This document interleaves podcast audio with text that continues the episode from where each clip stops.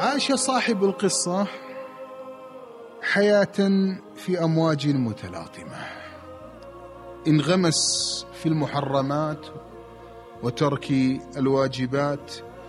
المسجد قريب من بيتي ولكنه لا يذهب للصلاة. مشغول. بماذا هو مشغول؟ مشغول في تركيب أجهزة الدشوش.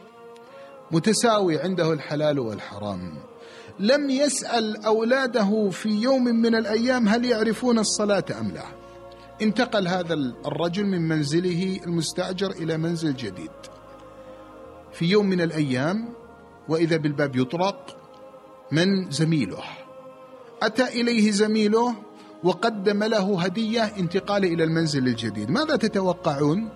قدم له جهازين استقبال.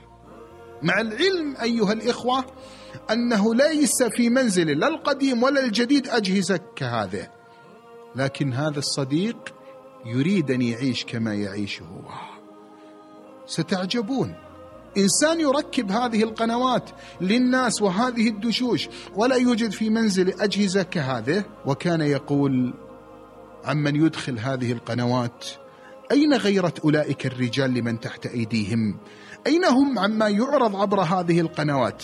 ألح زميله بقبول هذه الهدية التي يقول إنها متواضعة. أخذها ثم أدخلها في ملحق المنزل.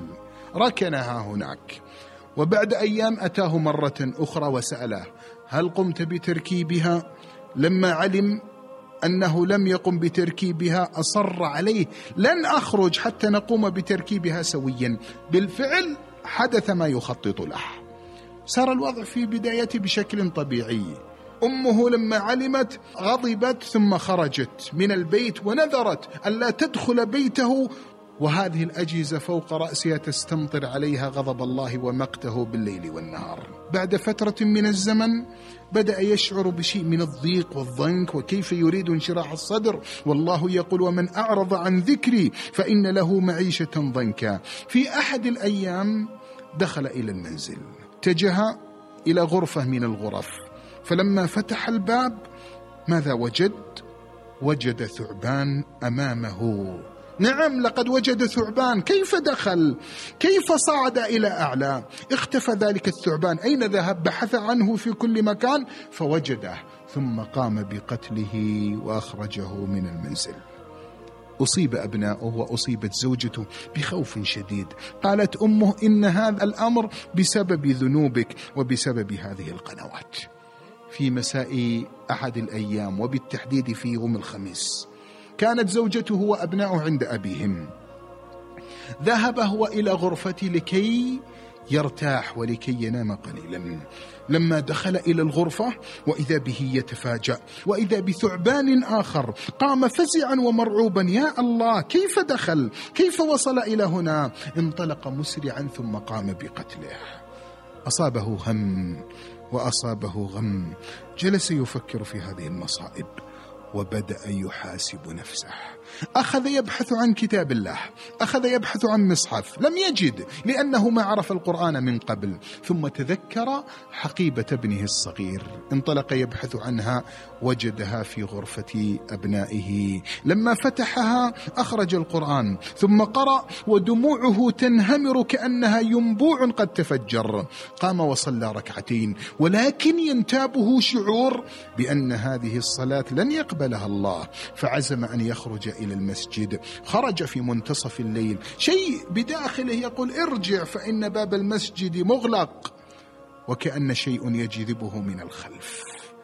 وصل وضع يده على يد الباب وأدارها. وإذا بالباب مفتوح. استقبله هواء من داخل المسجد. شعر كأن أما احتضنت ابنها. دخل إلى المسجد. كبر وصلى. صلى صلاة أحس بأنه حي بعدها. دخل المؤذن ليرفع أذان الفجر. نظر إلى ذلك الرجل الذي يصلي وقال له ابشر بالخير. ابشر بالخير. لما انتهى الأذان صلى صاحبنا ركعتين وأقيمت بعدها الصلاة. بدأ الإمام يقرأ آيات تخاطبه. عرف حينها أن البعد عن الله ليس والله فيه سعادة. في الركعة الثانية لم يتمالك نفسه. انفجر بالبكاء وأبكى المصلين. لما انتهت الصلاة تعجب تعجب المصلون. فلان خرج من المسجد والناس من حوله يهنئونه بالتوبة. فما أجمل التوبة؟ انطلق إلى منزله وصعد إلى أعلى صعد إلى سطحه ثم قام بتحطيم أجهزة الاستقبال. نزل مسرعا وهو يبكي وإذا بزوجته وأبنائه يبكون لبكائه. وفرحا بتوبته اتجه إلى الهاتف أخبر أمه بالخبر وطلب منها أن تعود. بدأت حياته تتغير يوما بعد يوم فتاب ورجع إلى الله. حدثني بقصته وقد أصبح أحد الدعاة إلى الله فسبحان من أحياه بعد ما أماته. أفمن كان ميتا فأحييناه فهو على نور من ربه.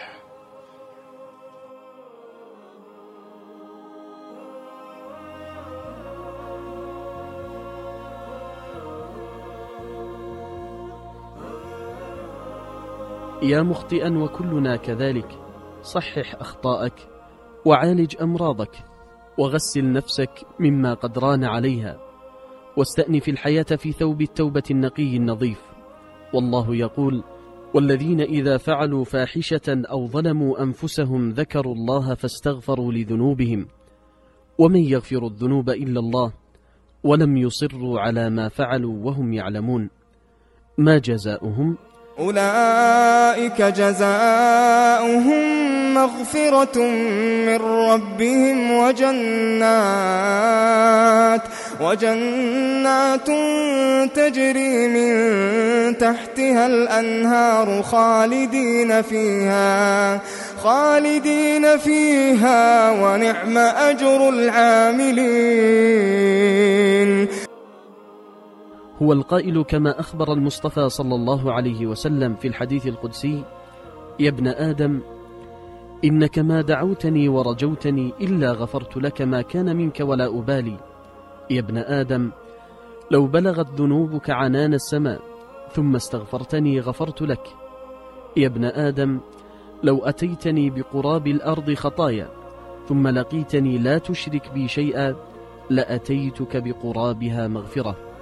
فما أكرم الله وما أرحم الله وما ألطف الله. وهو الذي يقبل التوبة عن عباده ويعفو عن السيئات ويعلم ما تفعلون.